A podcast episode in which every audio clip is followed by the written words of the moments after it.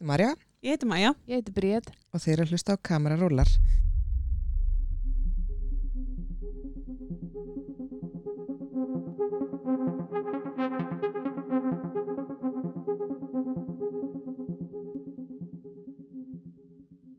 Hjá okkur situr Sigga Dögg kinnfræðingur. Vertu velkomin. Takk fyrir. Hvað segir að þú? bjóða mér. Ég bara er ágæðlega fesk. Já, Þetta er svolítið sint fyrir mig. já, er Svona um það? kvöld. Já, ég fer Ókei. eiginlega ekki út eftir kvöldmættum fór borga fyrir það eða að fá mér í glas. Við getum búið í glas. Nei, ég eh, mæti ekki fulli vinna. Ok. Þannig að hérna, nei, það er bara eitthvað veit kallt, það. ég var búin að gera kósi heim og ég var alveg svona, uh, ég var með tökum í dag. Nú, ok. Já. Hvað varst að gera? Já, þeir verið með kamerarúlar. Uh, ég opnaði streymisveitu á senast ári, eins og maður gerir. Jú. og hérna við erum alltaf í tökum að því að ég seti inn tvo nýja þætti eða tvo nýja mymbönd í hver einustu viku þannig ég er alltaf í framleiðslu Geggjað. Okay. og þetta er svona við tökum upp bara á alls konar random skemmtilegum stöðum, þannig til dæmis í dag það var svo fallið byrtan þá var ég í, í stillunni og í sólinni í dag nýra höfn að tala um hvernig maður finnur sér þriðja aðlan til að hafa mög við Mm. Ég var að fjalla um svona unicorn og svona, svona hvernig kurtessis reglur gilda í kringum þriðja aðlan. Svo færði ég mig inn á svona ótrúlega fallið garðhísi sem var upphitað. Þar fjallaði ég um nánd og svo fann ég mér arinn og ótrúlega fallið svona hótellánsi. Settist ég á arninum og talaði um tótt. Þannig Geggjað. þetta afreka ég í dag. Gekja. Vá. Finnst þér alltaf gaman í vinnunni? Já, eiginlega. Það er, eða þú veist, sko, ég prófa eiginlega allar vinnur. Ég máta mig við allt, af því að mér finnst ókslega leiðilt að missa einhverja því ég segi nei, ég vil frekar þá bara, ég prófa það og fíla það ekki. Færðu FOMO? Já, ég er rosalega erfið þar, sko. En líka bara, hérna, ég vil augra sjálfur mér af því að það er ekkert langt síðan að ég var svolítið með sterkar skoðanir á heiminum og hvernig hann ætti að vera og hvernig hann væri og bara ég myndi aldrei eitthvað svona. Það er ekki mannski sem mig langar að vera. Það er ekki skemmtlegt, sko.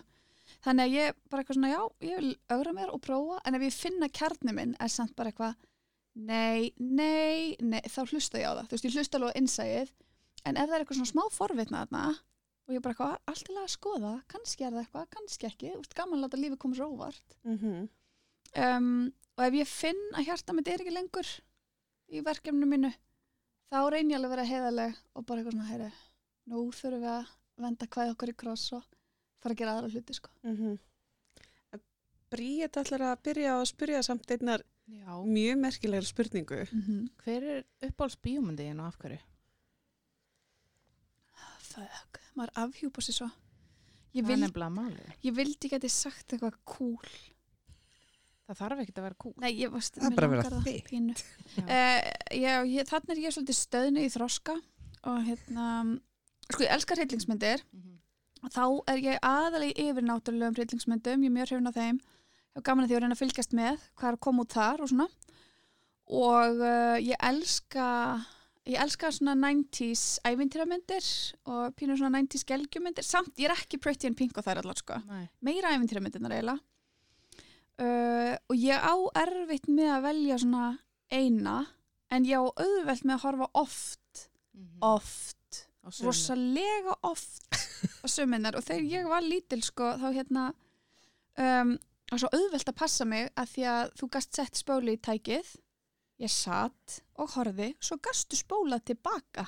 Og ég satt og horfi og það var bara eitthvað svona ég skal alveg passa sig við þurfum bara að gá hvort hún andi Þannig að hérna, já, svo lengi sem það er uh, eiginlega ævintýramynd þá er ég sjúklega til í það.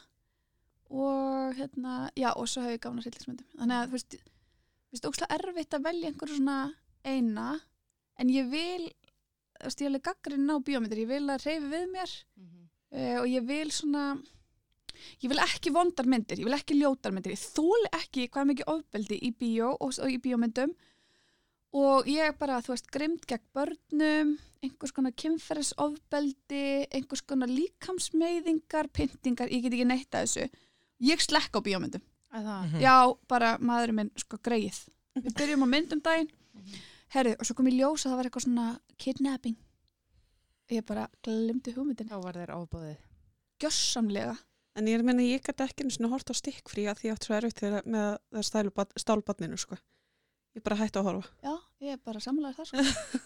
þú veist, þannig að já, þannig að þetta er ótrúlega fyndið, þú veist að hérna eiga eitthvað svona uppáhald sem veist svona, já svona já svona tíu af tíu myndamöppu sem að Fengi. þar er alveg ókslega mikið, mér finnst það gaman að flétta því ég bara, ó, gullin mín hæ sæta, eitthvað svona hérna og ég finnst það ókslega krútlegt og, veist, og, bara, og svona movie posterar og svona, alltaf, sem dreymdi alltaf um að búa í vídeolegu Já. Ah, næs. Já, er bara, ég hjekk í vídeolegu sem krakki, sko Herði, ég byrjaði með vídeolegu Ég breytti sérst betra kilvi, streymisveitunum minni Ég breytti hann ekki, ég bætti við Ég bætti við vídeolegu Næs. En ég geti sagst eiga vídeolegu Já. Já. Það er svo skemmtilegt það ekki, finnst Jú. það geðvegt, sko Ertu með svona eina nýja, eina gamla tilbúð? Herðu, nei, ég er bara með alls konar Já. Og þegar maður á þetta sjálfur, þá getur maður gert bara eitthvað svona ókipis tilbóð Ah, næs. Og eitthvað svona, þú veist Og verður bara eitthvað svona, já, ég ætla að hafa þetta óslega dýrt Af því að þetta er þetta Já, þetta á að kosta, Mm. eitthvað svona Einmitt. Og segðu okkur hans frá svo streymisveitu sem þú ert með.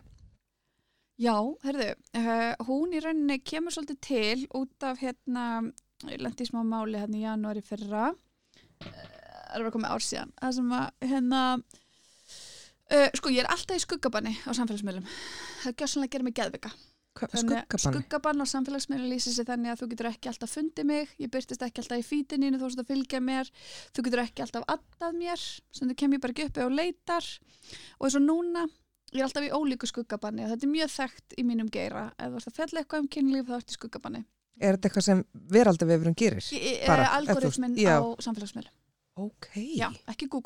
Nei, já, heldur bara, já. og það gera líka verkum að þú veist, þó ég sem er vaksandi fylgjendafjölda, þá sér oft innan við 10%, byrti sér hjá innan við 10% af mínu fylgjendum þannig að fólk sendir mér stundum bara gæti hætt? Eða getur ekki sendt mér skilaboð? Eða til dæmis núna, núna er ég þannig skuggabanni að ég get ekki svona verið collaborator á post hjá öðrum. What? ég byrtist bara grá en ég má takka stundum má ég ekki nota millumerki stundum má ég ekki posta þetta er fáránlegt, ég er ekki að Ég vissi ekki eins og það væri til. Ég er búin að vekja máls á þessu hjá sko alþjóða helbriðsstofnunni. Mm Mhm. Ég er búin að halda fyrirlestur um þetta erlendis út af hvað áhrif þetta hefur fyrir kynfræðinga sem er að miðla kynfræðslu og sinna mikilvæg samfélagslegu hlutverki. Já. Þannig að veist, þetta er alveg, þetta er mjög stort samtal. Allavega. Ok. Ég fekk ógeðslega mikið nóg af því Mhm. að vera einhvern veginn að treysta samfélagsmiðla, einhver annar að segja mig hvað ég má og má ekki tala um, ég er í síföldu skuggabanni og ég þarf að treysta okkur highlights og hvað ef þetta er út? Og hvað ef þeir loka á mig? Hvað er ég þá? Þú veist, Mm. hvað með allt þetta sem ég veit sem að mig langar að þið vitið? Mhm. Einmitt. Þannig að þá kviknaði svolítið þessi hugmynd að búa til bara, ok, allt sé að tala um á samfélagsmiðlum, hvað ef þetta verður bara aðgengilegt í svona smá fyrirlestrum? Mhm. Þú veist, ekki bara eitthvað hlaðvarp, heldur að því að, sko, ég vil bara sé það líka sérstaklega í COVID. Þegar fólk var eitthvað svona, já, tekur ekki bara í gegnum Zoom? Það Já. er bara enga veginn það saman. Þú, það er bara öðruvísi að hafa mannesku í mynd sem er að tala við þig og til þín í svona kjörnum skilabóðum eins og story virkar. Mhm. Þannig að ég er bara eitthvað, ok, ég ætla að taka story, stækka það og aðeins hvort það virki. Þannig að þetta eru stutti fyrirlestrar frá mér um kjörnum álefni og þú getur sendið spurningu og ég les upp spurningun og svara og svo tek ég viðtal við sérfræðinga. Og þannig bara getur þú bara, veist, gæst áskrandi og horta á allt eða keftir bara það sem þú er áhuga á. Og þannig get ég bara farið og sagt allt, ég sagt öll orðin, þú veist, það er ekki nekt hana, en hérna, hver veit. Nei, en þú veist, ég get bara dansað ótrúlega frjáls og bara allt sem ég langar að fjallum get ég bara fjallað og enginn segir mér bara, herru nei, það má ekki svona langt, eða það má ekki svona, það má ekki þessi, ég er bara eitthvað Það er bara, bara- þú ert yfir framleiðandi sem Já. segir já eða nei. algjörlega og ég er að taka upp út um allan heim mér finnst það svo skemmtilegt, þú veist, ólíkt umhverfi og ég er að heimsækja kynlífsklúpa og ég er að taka upp fyrir utan þá og, og ég er bara eitthvað þetta er hverfið og þú lappar hingað og þetta er svo mikið kreatíft frelsi Mhm. þú veist, þetta er ekki að búið til þátt þar sem allt lendur á gólfinu allt klippiefni, Mhm. æskili Mhm. þannig að mér finnst þetta svo spennandi Hvað er þetta þá löng myndbönd sem þú ert að gera? Þau eru yfirleitt svona tíu mínútur cirka bát en ef viðtölin geta verið alveg þú veist, einn og hálfur Já, já, já. eða gott viðtal og heldur Einmitt. Og, og hvað, hérna, ertu með, þú veist, tökur lið á bakvið því sem gerir þetta og klippir, er þú að klippa Það er sjálf? bara massíft sko, ég er alveg með einn mann hérna, Nei, hérna ég og maðurinn minn sérst eigum þetta saman og hann tekur upp og klippir það var alltaf líka annað sko að taka upp og það er verið að stilla ljósin og það eru kamerunnar og það þetta er ekki þessan Mikið fyrirhöfn. svo mikið fyrir svo þegar við fórum bara að prófa okkur áfram bara hvernig virkar þessi dýri sími sem við erum með? Hvað ef það er bara hægt að gera óslega mikið á hann? Það er bara hægt að gera óslega mikið á hann. Einmitt. þannig að við endum bara þrýfótur og eitt sími þannig að við tökum upp allstaðar út af því að fólk er bara já hún er bara að taka eitthvað sjálfu. Eða skilur, þetta er bara eitthvað svona selfie-vídeó sem er ógæslega skemmtileg.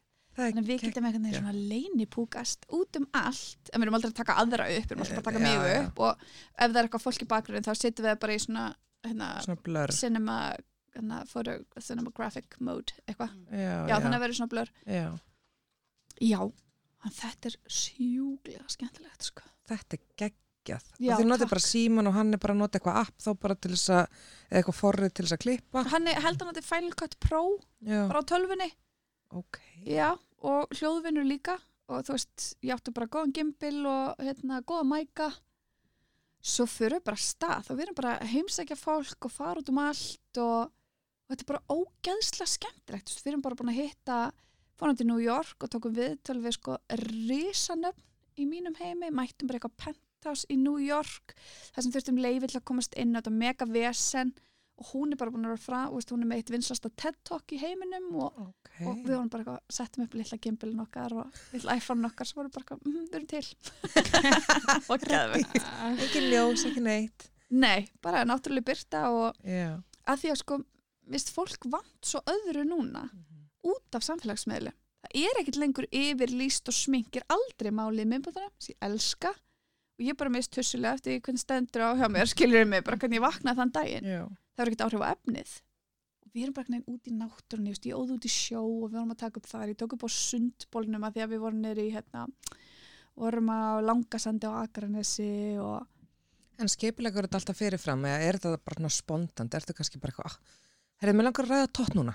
Ég að koma þangað og, þú veist, það er eiginlega allur gangur að því við stundum eins og í dag skipulega við tökudaginn vorum búin að ákvað hvað, við ætluðum að- hvað málumni vildum taka fyrir, rættum þau punktum niður, hann er líka svona pínu leikstjóri passar að ég hitti punktana mína. Og já, og svo vorum við bara búin að hugsa tökustæði. En stundum er við bara einhver staðar sem við erum bara, hvað er þetta, fucking gorgeous hérna, ert að djóka? Og þá eigum við bara að risa skjál sem við svo bara tikkum af. Veist, þannig að það var bara Vá. hugmyndavinna sem ég fór alveg massíft í. Og það sé ekki högg á vatnið þar sko. Við erum samt búin að setja yfir 120 myndböndat inn. ég ætla einmitt að spyrja, þú veist, hvernig koma þessar hugmyndir? Er bara endalust efni til? Já. Það er bara svo les. Það er endalist efni til og þegar ég er eitthvað svona, þegar ég er eitthvað svona, við erum potið búin að fjalla um það, þá fléttum við upp og bara, djó, erum við ekki búin að fjalla um þetta? What? Mhm. Og svo, svo senda Ok. svo margir áskræðandur einn spurningar. Þá bætist bara við. Þá bætist bara við að þá kemur eitthvað nýr vingill sem ég er eitthvað svona, heyrðu, ég ætla að vera aðeins skýrari eða þú veist, fjalla betur um þetta. Þannig að það er bara, Hvernig er að vinna svona mikið með mannunum sínum? Þið er basically bara alltaf saman. eh, við erum mjög mikið saman. Já. Ég er samt svolítið þannig í sambandi. Já. Ég er svolítið mikið með mannanum mínu, sko. Já. það hefur alltaf verið þannig en hérna já, við samt gefum alveg plás ég meina hann þarf plás til að klippa Mm og þá er ég kannski annari tölvuvinnu uh, en það er rosa gott náttúrulega að geta rætt við hann hann hefur mikla insýn í það sem ég er að fara að ræða og kemur og bara hlustur ókslega vel og kemur svo bara, heyrðu það hefur verið gott eða þú hefur komið inn á þetta. Mhm. og þá bara eitthvað, já, herri, ok, tökum það líka og bætum því við og þú veist, þannig að samstarflega gott upp á það að gera, sko. En ég meina, svo eru bara, við erum ekkert í tökum alla daga, sko, Nei, við tökum svolítið svona, tökum skorpur. Mhm. og þá getum við líka lína þessu upp svona mánuðinum. Og svo þurfum við bara líka bara bríðar inn á milli við erum ekki alltaf, Og náið þið alveg að skilja að? ekki alltaf, nei Nei. nei, nei, það bara er alls konar, sko bara með samt hversu vel við erum stend og, og hérna hvernig fjárflæðið er og hvort við sem að kaupa þjónust af öðrum veist, þegar við störtum þessu þá réðum við einn klippara og fengum aðstofu hljóðvinnslu og alls konar svona Já, bara alltaf koma ykkur á stað. Já. Já. já, svolítið þannig og svo líka, þú veist með að við vorum bara að læra hvernig viljum við að rammin líti út? Hvað skiptir okkur máli? Mhm. og pínu að brjóta þessar reglur í svona kvikmyndagerðin hvað má og hvað ekki. Akkurat. veist, og gera bara alveg svo við viljum. Og bara skapa pláss fyrir það. En hvernig gengur þessi streymisveita? Er þið, þú veist, eru margir áskrifundur, eru margir á vídeoleigunni, þú veist, hvernig, Já, það er náttúrulega fyrir svolítið eftir hvað þú miða við eru margir. En við þú veist, fyrir ykkur, Já, já. fyrir okkur, Ég væri náttúrulega alveg til í að það myndi áttfaldast það væri bara mega næs bara mána revenue fyrir fyrirtæki sko. Mhm. en jú þetta nefnilega gengur bara ágætlega sko. þetta er svona, fólk er pínu að fatta þetta, þú veist, mér líka bara áskrift á Íslandi, pínu nýtt Já. pínu bara eitthvað svona og nú er marg hlaðverk komið líka í það Mhm. uh, en ég er svolítið svona skýr með það við lengar auðlýsingar og ekki neitt svoleið sko. En við erum ekki neina kostun aðla um, já, ég vil bara sjá þetta vaksa og halda áfram að bæta í safnið og sarpin og svolítið læra af hvernig vill fólk þetta en mér finnst svona, veist, áskriftin fólk skilur það. Nú er svolítið svona að fræða um leiguna.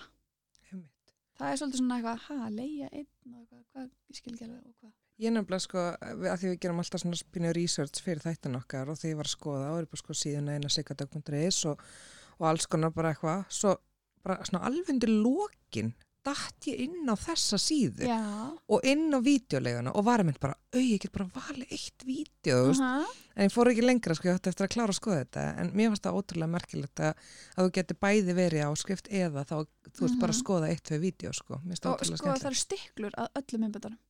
Já, ok. búin til stiklur fyrir öll myndbönd.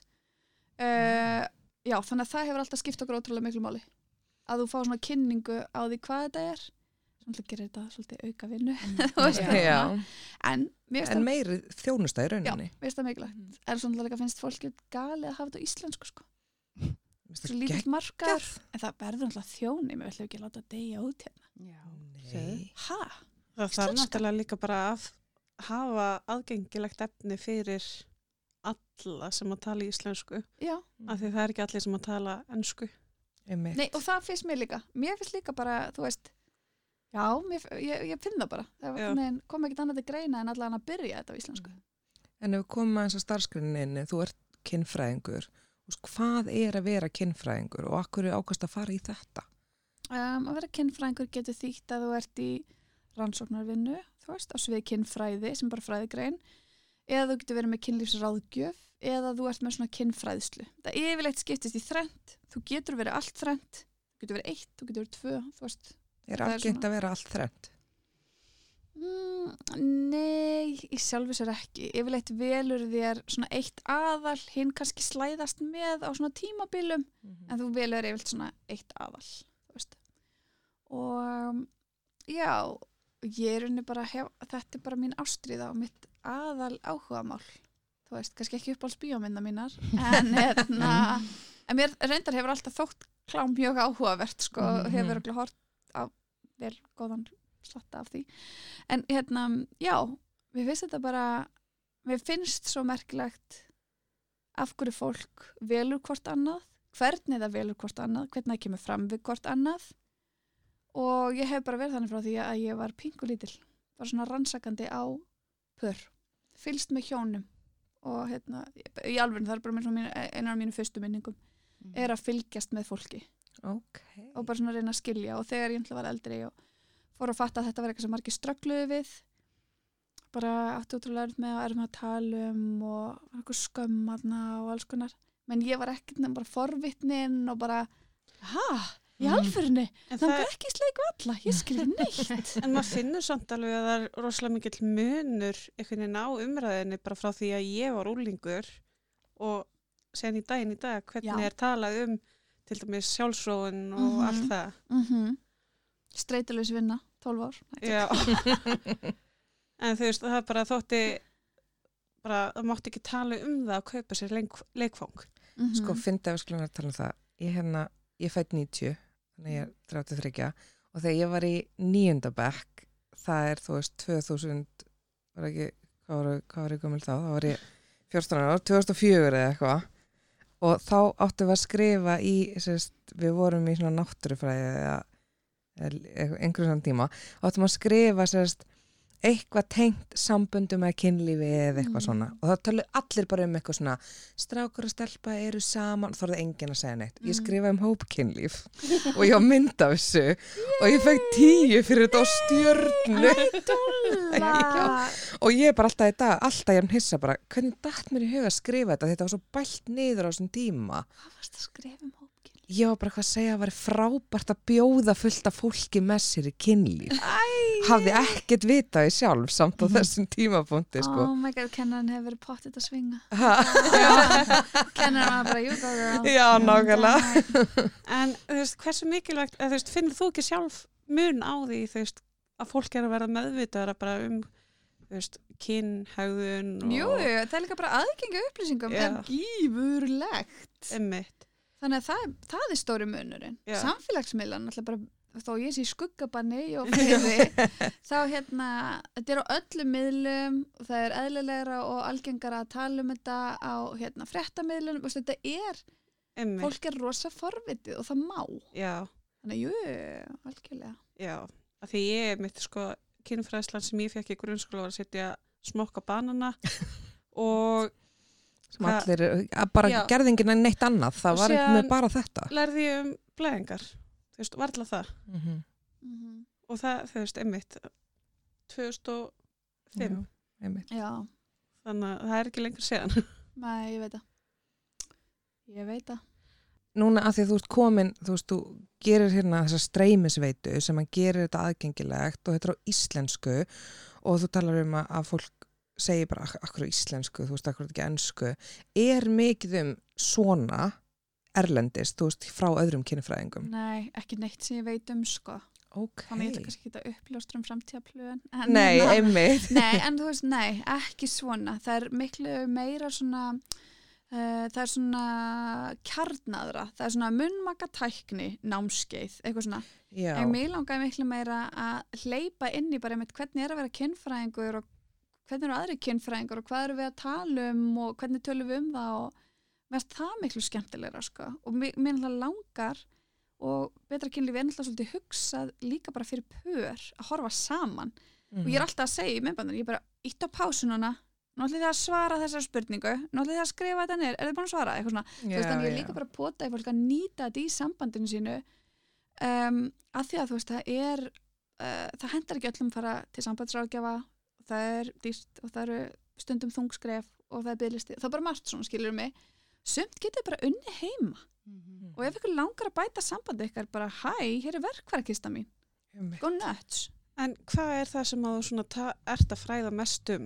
Þú veist, hvað ert að tala mest um?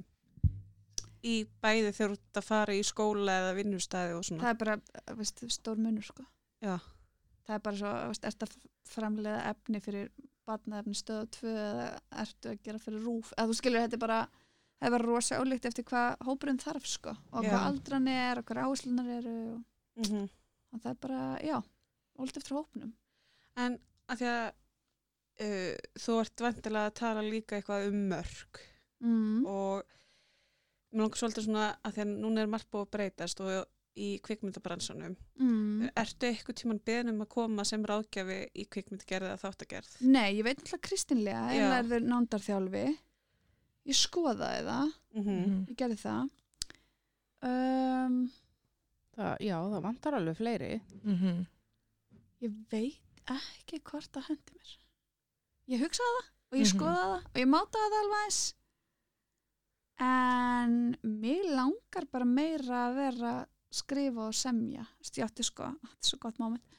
Herðu, ok, maður minn er reynda búin að segja mér að segja ekki þessu. En hérna, hann bara, hann bara. bara segja þetta er ekki cool saga sko, þó að því finnst hún eðslega cool hérna, þess að uh, ég var skrifið inn í lattaseríuna þannig að brúköpi mitt og ég var skrifið inn sem ég sjálf að koma í gæsun Mm. og bara gegja og ég fæst samt eitthvað handrit bara eftir laus, viltu gera þetta bla. Og ég eitthvað geðvegt, ógislega gaman elska verið upptökum. Nema hvað, ég eitthvað les lauslega þetta handrit er eitthvað, hm, áhugavert, ok. Og mæti svo bara þarna á sett og ég fæ mér að borða með öllum og ég fer í sminkið og ég bara, er það gaman það er bara bransin minn eitthvað hérna, þú veist, sem ég hlá ekki heim í samt, sko, eða þú veist, þetta er ekki bransin minn, ég er ekki leikona og ég er ekki kveikmynd að gera kona, en mér ást ég ótrúlega mikið heima hana nema hvað, svo mæti ég og, og ég segi við Kristoffer Dignar sem var sem sagt leikstjóri ég segi, herri þessar línur ganga ekki þannig ég ætla bara að semja mína eigin takk sko. Mm. og ég vissi ekki að þetta veri stuðandi á neitt hátt. Þannig að Kristoffer Dignars horfir á mig og Gagga kemur svona að, askvaðandi svona, nei hérna Garún segi, ekki Gagga, Garún kemur bara, tala, tala þessum við Kristoffer, farð þú bara hérna á mónitorinu og Dignars, farð þú á mónitorinu og hérna ég tala við hana. Já þetta er svo leiðinlegt. Ég segi, ég er skemmtilegri þannig að hérna hún alveg, þú skilur ekki. Þú ert með átt á öðrum inn í setti sem eru búin að læra línutna sínar. Og ég alveg, þetta eru leikonur stelpur, þið spinnið þetta með mér. Ég get hjú og línunar ykkar koma. Og ég fatt ekki að ég var að setja allt í uppnám, ég pældi ekkert í því. Vá, ég var bara eitthvað, þetta verður betra og viljum við ekki gera betra sjónvarp? Ég held það. Og ég bara, ég ætla ekki að leika sjálf og vera leiðilega það er galið. Og þau var svona og ég eitthvað pæla ekkert og svo er ég bara eitthvað þarna með eitthvað spuna og eitthvað og það er Oh my eitthvað tróða línun sín með eitthvað að þetta og tekið nokksnum upp og svo er ég bara takk fyrir mig, bless gangi ykkur vel, gaman að vera með ykkur. Og svo er ég að keira heim bara massa sátt við mig og bara eitthvað, guð hvað ég var nú góð þarna. Og, og bara góð fyrir þáttinn, hafa gert hann betri. Svo kem ég heim og segi manninu minn og hann bara þú ert að djóka, sigga. Veistu hvað er mikið vannvirðing og dónask? Ég bara, hæ ég bara kom að fjöllum. Ég bara hitt á miklu skemmtilega eins og ég gerði þetta hann bara hvað, þú erið brjáluð ef þetta er gert á setti á þér. Ég eitthvað já, já kannski svo satt ég alveg með þetta og ég var bara oh my god, sorry. Svo hitt ég eina leikonuna hún bara, það er miklu skemmtilega eins og þú gerðir þetta. Og bara illu skrifu sena. Ég bara, takk fyrir. Hún bara, þessi ekki hvert dignus ætlaði. Okay. ok, þannig ég kom líka inn í eitthvað það sem var búið að vera eitthvað svona stemming. Ég kem inn í þetta eitthvað eins og eitthvað drottning og hún bara oh my god, power is your cosmic. Við vorum allir bara, yeah hann er bara svo að finna því að ég svo ofta spurði eitthvað ég fór ekki og lærði að vera leikona Mm. Já, þú þú er svo mikil performer. ég get ekki lært línur til að bjarga En lífinu þú leikur í hérna, þáttunum.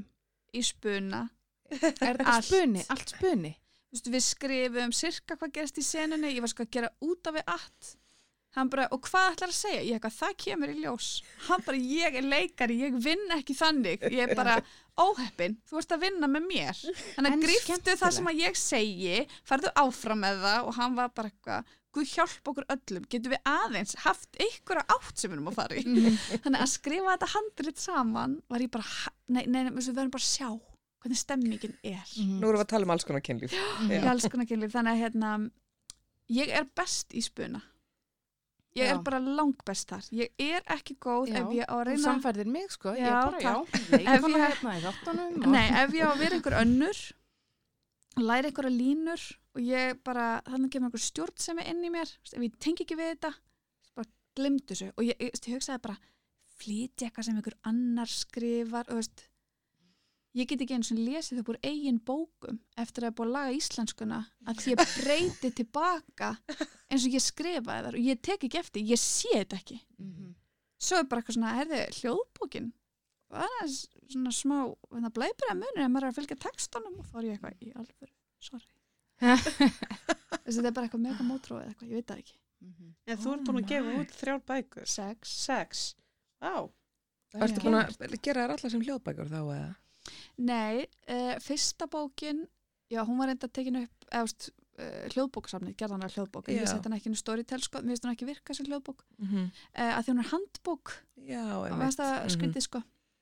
Hann er hérna nei og, og ég breytti henni í námskeið. Já. þannig byrjaði þetta allt. Í COVID sem sagt þegar þú veist, engi, efst ég ætla ekki unnið í COVID að þá var ég með þessa bók. Ég var nýbúin að kaupa útgáðuréttina henni aftur. Fyrsta bók sem ég skrifa nýbúin að kaupa útgáðuréttina henni hún var uppselt og ég vildi bara eiga allar bækurnar mínar. Og eitthvað neginn 2019 kaup ég útgáðuréttin það tók smá tíma og eitthvað. Svo sitt ég hann uppi með hann. Og svo er ég bara eitthvað uh, veist, 2019 var bara sturlað ár hjá mér í vinnu. Ég var með fyrirlestur um allan heim. Ég var á heimsástumnu kinnfræðinga og var að ferast um Mexiko og ég var bara veist, að skrifa nýja bók. Ég var að flytja upp í stand það var bara það brjálað að gera hjá mér. Ég hafði engan tíma fyrir þessa bók og var, hún hjekk svona yfir mér. Og ég eitthvað svona, og svo ákvað ég að skilja. Þannig að þú veist, það sem maður gerir. Svo kemur COVID og ég sit eftir með þessa bók. Og ég bara eitthvað og, veist, og að skilja. Og svolítið svona að gráta samfélagsmiðlum hvað og ég bara eitthvað veit ekki neitt. Svo kennist ég yndislega manni. Og svona fyrir aðeins að róast tilfinningalífið, skiljiði og ég fyrir eitthvað að tala um þessa bók. Og ég bara eitthvað, oh, þú veist, ég veit ekki hvað ég á að gera og eitthvað. Og hann bara eitthvað, herru þú veist, akkur tekur þetta ekki þessu fyrirlæstur búið bara til rafrænt námski og ég bara rafrænt, ra það geðið við kumund Já. var bara, takk fyrir þetta. Þannig bara strax þá, janúar 2021 þá bara fáum við framlýslu fyrirtæki heim til okkar og það var hólsjubeng Mhm. nokkra kamerur, lýsing riggum öllu upp. Ég tók upp 25 fyrirlæstur á tveimur dögum. Oh my god. Strákarnir voru straujaðir sem voru að taka þetta upp. Já bara heyrðu það er haldið mér mat hérna. Svo er allir mættir aftur bara við erum að nýta þessa kamerudaga hérna. Ógislega dýrt náttúrulega. Bara dýrt, ógeðslega mikið örgulega að læra. Já, nei og bara þú veist það er dýrt að fá svona krú inn Mhm. koma í- undan atvinnuleysu ári einhvern veginn. Og það hefur nefnilega gengið bara ógeðslega vel. Kom ógeðslega flott út, ég var um að setja inn á leiguna í gær. Oh my þú god. veist, öll eftir vinslan og allt svona. Og þar var ég bara eitthvað, ok, þessi, þessi bók á heima í fyrirlestraformi Mhm. þannig að það er ekki að gefa hana aftur út.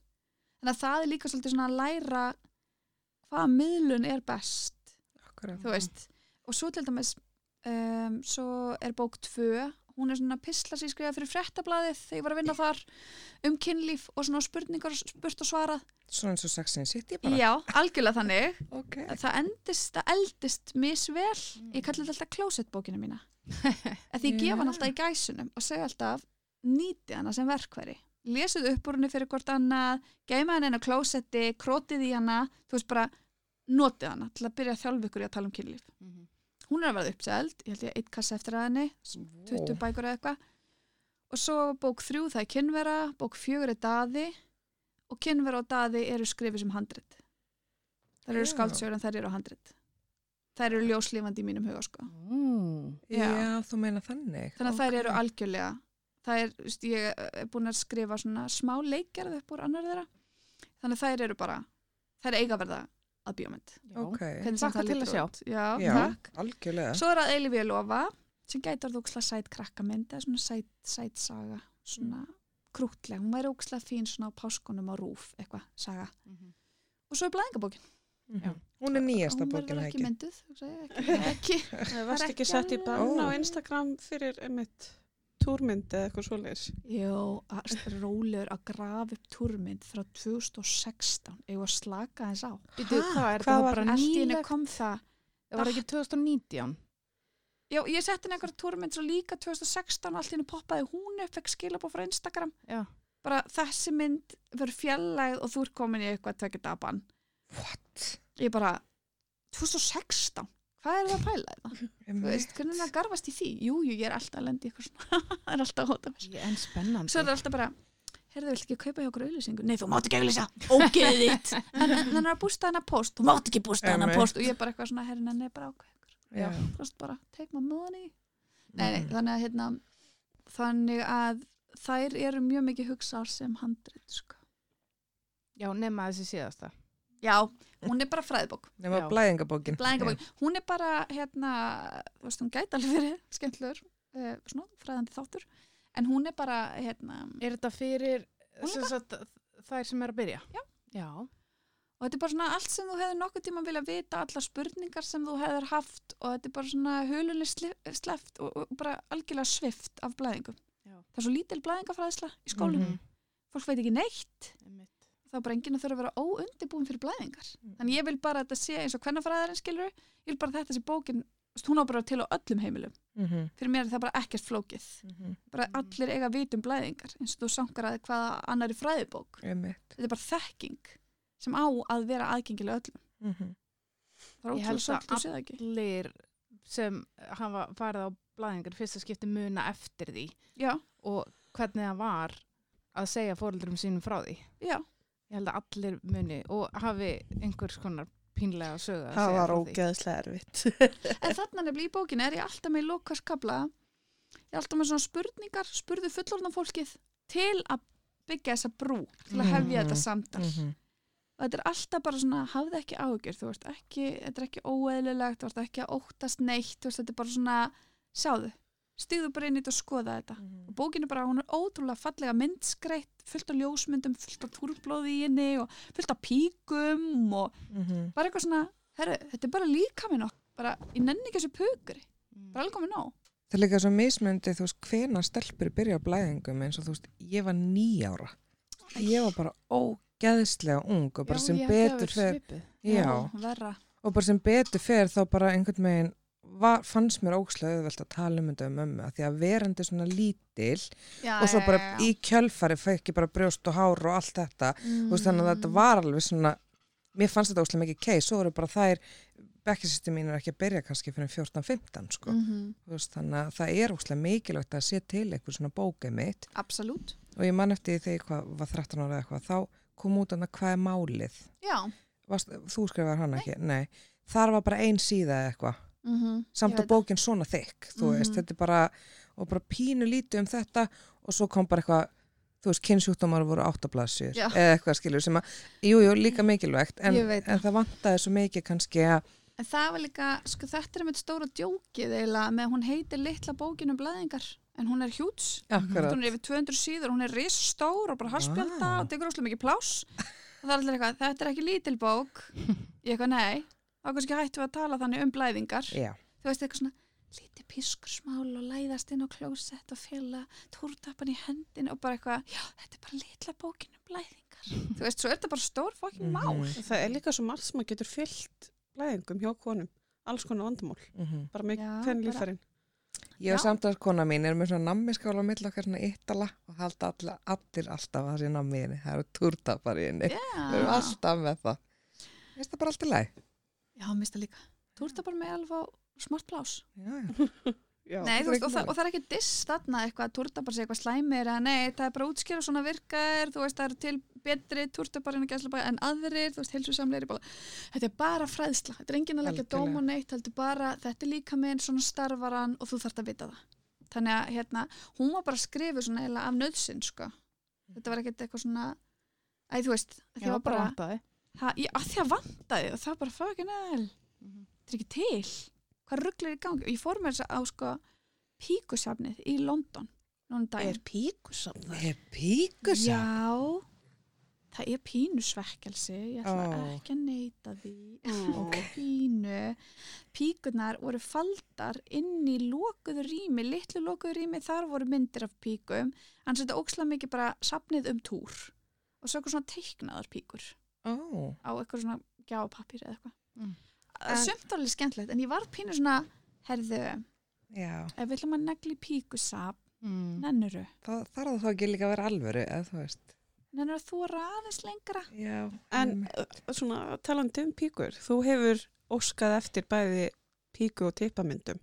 ég óskaði ekki eftir, ég saði fólk má senda Já, ef ok. það vill, ég var nefnilega ekki að segja viljið senda, ég sagði þið megið þið sem Ok. viljið, þið megið. Ég skal taka mynd á móti, ég skal þú veist, hérna byrta sko þið skilji ekki hvað sem mikil vinna er á bakvið að halda utan um þessar myndir, verið samskipt við fólk og byrta og þetta er ekki taka, fólk ekki, er ekki að kommentagerunni ekki, ekki smell á þetta, þá græður hún.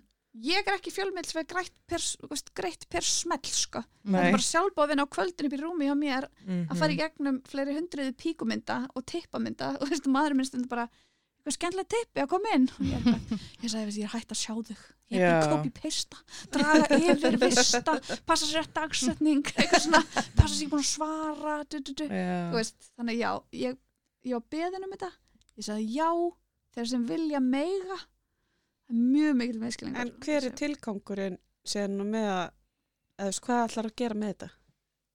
Píkumyndirnar eru komnar út. þær eru bara allar þarna á netinu Já, það er á netinu, þetta er bara að sína fjölbreytileika og sko, og eitthvað, gullið Það er svo dagbók, ég fór inn á þetta Já. þann degi. gullin er náttúrulega gullin er náttúrulega í sögunum sko. Já. Þú veist, við erum Ég með varst það tippi inn í februar sko. uh, ég á eftir að setja það er nokkri postar hann sem býða ég tek Mhm. þetta í skorp Já. ég sapna þessu upp, svo peppa ég mig upp í þetta Mhm. og hérna já, þetta er bara sína fjölbreytileika leifa fólki, aðdeila mynd og hafa smá rödd tala um upplifun sína, kynfærinu sínu og það eru margir að skoða þetta þannig að þetta vekur líka umtalum bara líkamsýmynd uh, kynfæra útlit og stærð og eitthvað svona, að, að, finnst það er mjög margt fallegt þarna, mér finnst þetta eiginlega ekkert nema fallegt sko. Það er mitt búið að vera svolítið í umræðinu núna að með þú veist, líkamsýmynd mm. og stærð á tippum. Þú veist, að, Er það mútið að greiða tömberg eða? Já, þú veist, ég held að þetta hafi komið út frá þeirri, þú veist, því skoti frá henni Já. að það sé alltaf að vera smána Algjörlega, lítil tippi. sem er fokkin óþólandi Já, að er, heldur að þetta muni kannski breyta líka þegar fólk fá að sjá. Já, ég held það því að þú sér svolítið fjölbreytileika þarna og það er einmitt ein ótrúlega falleg saga frá einum, hún, hún byrtist nú ekki fyrir en hvenær er hann? Hann er millir 20. og 30. janúar. Hann er með mjög stórt tippi og hann var einmitt að segja bara, herði, nú langum við bara aðeins að taka pláss hérna og tala um að það getur mjög flóki og erfitt að vera með stórt tippi Mhm. og bara hætti því að, að halda að það sé það besta í þessum heimi. Mhm, Þannig að hann dildi ótrúlega fallegri sögu bara hvað þetta hefur einmitt hamlað honum, frekar en hitt mhm, og það fannst mér alveg svolítið geggjað sko. veist, og ég tala alltaf einmitt í kynfræslinu bara lítil tippi hérna, geta stunda fjölbreyttara kynlíf komast að fleiri staði og þú veist lítið tippi býður upp á fleiri möguleika heldur en stórt tippi, það er bara staðrænt þú veist, að því að það er svo margir sem geta ekki meika ekki kynlíf með stóru tippi mm Mhm. það meiðir, Mm en með litlu tippi má nú alltaf sleika sér Já, og hafa gaman og skemmtilegt. flestir eru í meðalstærð Það er Einmitt, málið. Já. Þú veist, þannig að þetta er svona eina gæðslega bara ímynduð minnumáttakend. Hún er ekki raunveruleg, sko. Hún byggir ekki á neinu raunveruleika. Þannig að, já, mér finnst þetta bara, ég veit ekki, bara eitthvað svona, þetta er pínu bara svona ég til þjónustu reyðbúin. Þig Mhm. langar í þetta? Já, ég get gert þetta fyrir, já, minn eigin VF. Kostar Mhm. mig ekki neitt, skilur nema tíma. Já, já. Um, enginn getur banna mér það og ég bara má þetta. Þetta er pínu það. Mhm, Bara, Mhm. fuck you samfélagsmiðlar hér má ég bara byrta öll þau kynfæri sem ég langar til eins lengi og mér langar eða þú veist, eins lengi og Mhm. fólki langar að senda inn það er pínu það, það er pínu eitthvað rebellism í þessu Já, Fíla. mér finnst það geggjað. ekki, Já, mest að gegja. Og mér að mætti vera meira svona. Það er bara, já já, fólk er komið út í bara allar að byrta rossa allar já, að byrta, bara byrta brjóst. nektarmyndir allar að Já. byrta brjóst, eitthvað svona alls konar Mhm. ég veit það ekki alveg já, En ef við tölum aðeins um alls konar kynlíf, ég er svo forvitin. Hvernig, þú veist, hva, Byrjaði. hvernig byrjaði þetta? Já, þetta byrjaði á því herrans ári 2020 áður en að allt fór í lás hér og það voru bara einhverja óljósar kjafta sér um að, að einhver væri veikur í útlöndum. Þá var ég í uh, svona rítöfunda svona tengslapartíi upp í hérna, rítöfundahúsi, upp í Gunnarshúsi og það var eitthvað svona konur í brannsónum og rítöfundar og þetta var eitthvað svona að sína sig og sjá aðra og ég var fangörla yfir mig hoppandi á milli rítöfundar, bara ég elska bókina en ég elska þig, eitthvað svona algjörð algjör fíbl sko. Og mætti þannig ein yfir mig spennt og hitti náttúrulega bara ekki að konu sem ég þekki og fannst ógislega gaman, þetta var ógislega góð kvöldstund. Og þar hitti ég Dögg sem er vinkona vinkonu minnar. Og ég fer eitthvað neginn og hún fer eitthvað svona hei, við fyrir mig vantar ekki að gera með mér þátt. Og hún bara hei, mig langar að gera þátt. Og Þórey var með henni sem með henni hérna, Freyja Filmworks. Og þær voru bara eitthvað eigum við að hittast? Og við hittust bara eitthvað vikuna eftir. Ég pizzaði þessari hugmynd.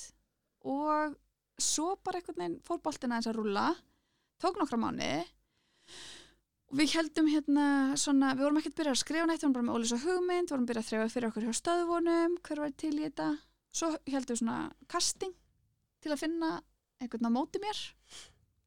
Og það gekk svona sko, fyrsti sem við fengum þá ræðilegt uh, já, hann svona eiginlega hilsa mér ekki en hérna, menn hann verið bregðið það við sig. Já, já. uh, að því ég var bara mjög hreinskilin við hann skilur þetta var bara ræðilegt uh, ræðilegt casting. Þú veist, hann var bara eitthvað neikvæður og, og svona þungur og ég bara eitthvað uh, fer eitthvað að tala um eitthvað ofbeldismál og ég bara eitthvað, herðu uh, ég starf ekki með fólki sem beitir aðra ofbeldi. Ég vil allan að bara flott hjá þér að gangast við þessu ofbeldi en hérna ég ætla ekki þá að starfa með þér að þætti sem ég er að búa til. Og var bara eitthvað svona "Ah, svo það tengist málun eitthvað. Hvað kemur það málunu við? Ég bara, uh, rosalega mikið, hæ, hefur hitt samfélagið uh, í dag? Mhm. þú veist það bara, nei, ég þarf ekki að gefa þér plattform, ég er ekki að banna þér að skapa annar staðar, ég ætla ekki að vinna með þér. Mhm. og bara fauk óksla í hann, hann bara óksla reyður og hérna og það, það finna var sko, við vorum tvær að taka viðtalið og hún fór að panta te þá var alltaf bara heimsins lengsta byðröð í þetta blessaða te þannig að hún misti eiginlega af öllum sem samskiptum kemur bara inn í þetta tilbaka þegar hún finnur að andurslaftið er bara stormað og hún er bara hvað segiru? Hérna, er svona eitthvað að reyna að fá eitthvað? Og það, ég er bara að horfi á hann stjörf og er bara eitthvað, what the fuck er í gangi? En það er alveg greila og, og, og hann bara, þú ert bara að dæma mig og ég eitthvað, dæma þig. Ég er búin að þekka þig í samtal sjö mínútur. Ég veit ekki hver þú ert fyrsta sem þú segir mér er að þú ert ofbeldismæður mitt fyrsta svar við því er nei takk, vil ekki vinna með þér. Ég má það, ég bara þú ert í casting. Skilur Mhm. mig, ég skulda þér ekki neitt. Og hérna og bara fauk maður sitt og bara þetta niðra mig og gera lítur með kalla minga og ég bara hefði fyrirgefði þú ert bara komið í atvinnu viðtal, þú færði þetta ekki ég sagði þáttur um kynlíf, þú ert ekki einu sinni búin að spurja mig út í þáttin búin að spurja mig um mig. Ég sagði, veistu hvað ég heiti fyrsta sem þú segir mér er að þú ert óbeldismæður geggjað. Og þetta var bara Ég- svona, grilla herði, hann stendur upp og bara svona, við náum aðeins að setla þetta. Og ég bara hefur gangið þér bara vel að þinni vegferð í ykkur öðru. Bless, bara hér. Við stóðum bara upp og fórum bara einhvern hálftíma langan göngutúr og vorum bara eitthvað svona að hrista þetta af okkur. Við vorum bara hvað var að gerast? Og ég var alveg vákaði sem þakklátt hann að sagt þetta maður. Mm. það hefur verið hræðilegt, en fyrir það við vorum ekkert að væpa. Það er bara svo að fara á date. Mhm. þú finnur það, fyrstu tíu mínúturnar Mhm. þú ert bara eitthvað við erum ekki að djama jó þú, þú veist Mhm. svo komum við aftur á kaffehúsið og hún bara eitthvað, ok, veist, gefðu næsta séns ég bara, já, ég fara ekki að skemma þetta ég, bara, "Hvað, ég, ég er ekki erfið ég, ég er það ekki, sko Mm. og hérna, þá lappar attin bara hæ og ég eitthvað, oh my god fyrir þetta maður er alltaf sláandi fallegur Mhm. að þá byrju við strax bara hei hei hei eitthvað svona að- að djóka, eitthvað Harry Potter djóka og ég var bara eitthvað kingiru, ég vinn ekki um fólki sem kingir ekki sko, og hann bara eitthvað kingi, ég? Er dýpfrátt ekki til þú það vinkona? Og, hún sat hann að sveitt hún bara slakiði á það sunnudagur við erum inn á kaffihúsi. Hann bara situr sem þrjármyndi ég bara hann er aðein hún bara við erum með fleiri, ég, eitthvað, ég vil ekki þetta neitt Ok. ég veit það þegar ég veit það. Mhm. þú veist, þegar ég finn Mr. Right for that moment. Og það var ekki flókið. Hún bara, já, ok. Og ég eitthvað, þú ert geggjar, við vinnum saman. Takk fyrir, gaman að hitta þig, hann eitthvað ok, aðeinslegt ég er svo mega innsæðismannskja Gaman. ef mér líður vel með þér og við Mhm. syngum, þá er ég bara eitthvað flott, þú ert góð, góð, góð mannskja hérna, við getum unnið þetta. Og voru aldrei neina áreikstra, voru þið alltaf bara, Jú, jú, jú, Já, veist, ég sitja hérna í pels, sko. hérna, jú, jú, jú, það voru árakstrar. Ég líka get alveg verið, ég veit alveg ég get verið erfið, ég veit það alveg, þá ég var ekki erfið þarna. Um, ég er rosa uh, í, töku, í tökum, þá er ég svolítið, hérna, ég vil að allt sé upp á mínútu, ég vil óksla ströng, ég hef mjög litla þólimaði fyrir einhver svona óþarfa fýblagangi og ég vil gera þetta vel, ég kjarna mig inn í þetta og ég vil að allir sé á sama leveli og ég bara, eru allir onit, eru allir að nýta tímanu allir að passa upp og ég bara, þannig að ég verð svolítið svona, ég verð bossbits ég verð það leikstjórn til Það þarf einhver að vera það. Leik, Já. nei, ja, leikstjórn baði mig alveg vinslast um, Ó. á okkur sinnum að slaka þess á sko. Mm. um, og svo hérna á milli þegar við erum ekki tökum þá finn ég bara, ég verð rosa þreytt þá vil ég bara næði ég er svona eitthvað Hollywood dæmi sem færi út í hjólhísi Mm. Við erum bara á Íslandi og það er bara ekkert hjólhísi og við erum bara eitthvað framlega lítið þátt sko. Já, líka kalt hérna. þú hefði ég átt húsbílin í tökunum og alls konar Mm, Já. það hefði bjarga lífinu hefur bara alltaf farið út í hann. ég hefði alltaf farið, nei ég hefði gert það ég hefði alltaf farið út í húsbílin þannig að það var líka svolítið svona, þú veist, það var alveg stemming að setti og galsi og fólk að fýblast og eitthvað svona, Mm. nema ég var ekki þar Já, ok. ég var bara svo algjörlega kjörnin í vinn þannig að Mhm. hérna ég var ekkert eitthvað ókslega kannski alltaf skemmtileg Mm. á setti þarna að því ég var, bara að vinna. ég var svo mikið að vinna og ég var svo mikið bara eitthvað svona erum við ánum með þetta, er þetta nóg og hvað er næsta og hvernig er planið og er búið að tjekka þessu Þú veist, þannig að ég held ég hef ekki alltaf verið kannski ógislega skemmtileg sko. Þar maður alltaf að vera það. já, kannski hefði alveg verið skemmtilega fyrir hann hefði ég verið oft skemmtilegri þú veist Það er alveg skemmtilegra að njóta Já. það sem að maður er að gera og svona lifi mómentinu og Já, en ég meina ég ætla líka sko, ætla að vera sangjöld bara, ég ætla ókslega ósangjöld að segja við hann bara vertu í spuna og figure it out. Bara, þetta er nú ekki flóki, bara hér Mhm. þú veist, þannig að þetta er líka mitt að læra hann á hans já, feril eða þú veist, hann er leikari skilur ég er það ekki, Mhm. En mætti hann er með mjög mikla boss energy eins og ég vissi allt. Og hefði skrifað bara all, allar reglurnar í bókinni. Þú veist, þannig að þetta er líka alveg hérna, þetta er líka alveg pínu veginn það og við erum bara með svolítið ólíka orku. En það var samt það var það sem gerði þetta samt svo ógislega gott. Og það var svo mikil virðing á milli og mikil kærleikur og, og allt krúið fór alveg mega trún og eftir að við klárum, eftir að við frumsýndum alls konar tvö þá kom stór hlutin einmitt heim til mín eftir frumsýninguna og við vorum bara að spila saman og borða og trúnói og þannig að það varð alveg að skapast mjög mikil nánd Mhm. og uh, við hleyftum alveg vel að okkur finnst mér og svona, þú veist, þannig að þetta var, rosa falleg samvinna. Mhm. en það var svona líka fyrir mig bara eftir á þá var ég bara eitthvað, vá, akkur er ég svona tens, þú veist, akkur, akkur er ég alveg að fara á límingunum hérna? Og hva, hvert raunverulega er mitt hlutverk? Á ég að vera að hugsa um þetta uh, veit ég þá í næstu verkefnum að ég þarf að taka þá annar hlutverk líka og vera með það skipul, skilgreint af því að ég vill. Þú veist, ég Mhm. var svo ókslega mikið bara, veist, þetta er ljós þarna, þetta er ekki alveg að virka og mér syns þú skuggi þarna, ertu búin að kíkja á þetta og hérna, er þetta ekki falleri rammi? Og þú veist, bara komin ekkert með í allt. Já, bara svolítið þar. Og vill stjórna rosa miklu þannig ég var alveg, herri, ég það kannski þá að stíga eins inn í það Mhm. og taka það alla leið og ekkert vera eitthvað svona, ég það ekki, ég minni, uh, ég hef bara skoðinu öllu, Mhm. en þú veist, en þetta var eitthvað neginn, maður þarf að hafa traust já, og einmitt að treysta bara að ljósamaðurinn sjáu um þetta og treysta já, mér fannst það samt, sko, ég er alveg ekki þar, ég vil að við vinnum þetta saman og ég vil bara Já. að við hjálpum stað, ég er ekki Mhm. að gaggrina þig ef ég segja þér skuggan, ég er að hjálpa þér í vinnunniðinni, Mhm. alveg sem ég vil að þú segir við mig ef hára á mér er ljótt, Mhm. þóldi það ekki, í serju 1 Mhm. er hára á mér stundum ljótt, ég er viðkvæm fyrir því, ekki í betra kynlíf, þá er ég ekki viðkvæm fyrir því, þá greiði ég mér sjálf. Já. En hérna, þá var stundum bara eitthvað svona eitt lokkur sem stóð okkur svona í lofti, bara heilt viðtal, bara eitthvað lokkur og ég var bara, oh, fucking god, og ég bara, öll, öll á mónitornum, gætt enginn sagt, herri Sigga mín, ertu til ég aðeins? Ég bara Mhm. öll, þið öll bara hér, snúra maður ljót á kjólnum mínum, Mhm. þannig að fyrir seríu 2 þá er ég mjög skýr,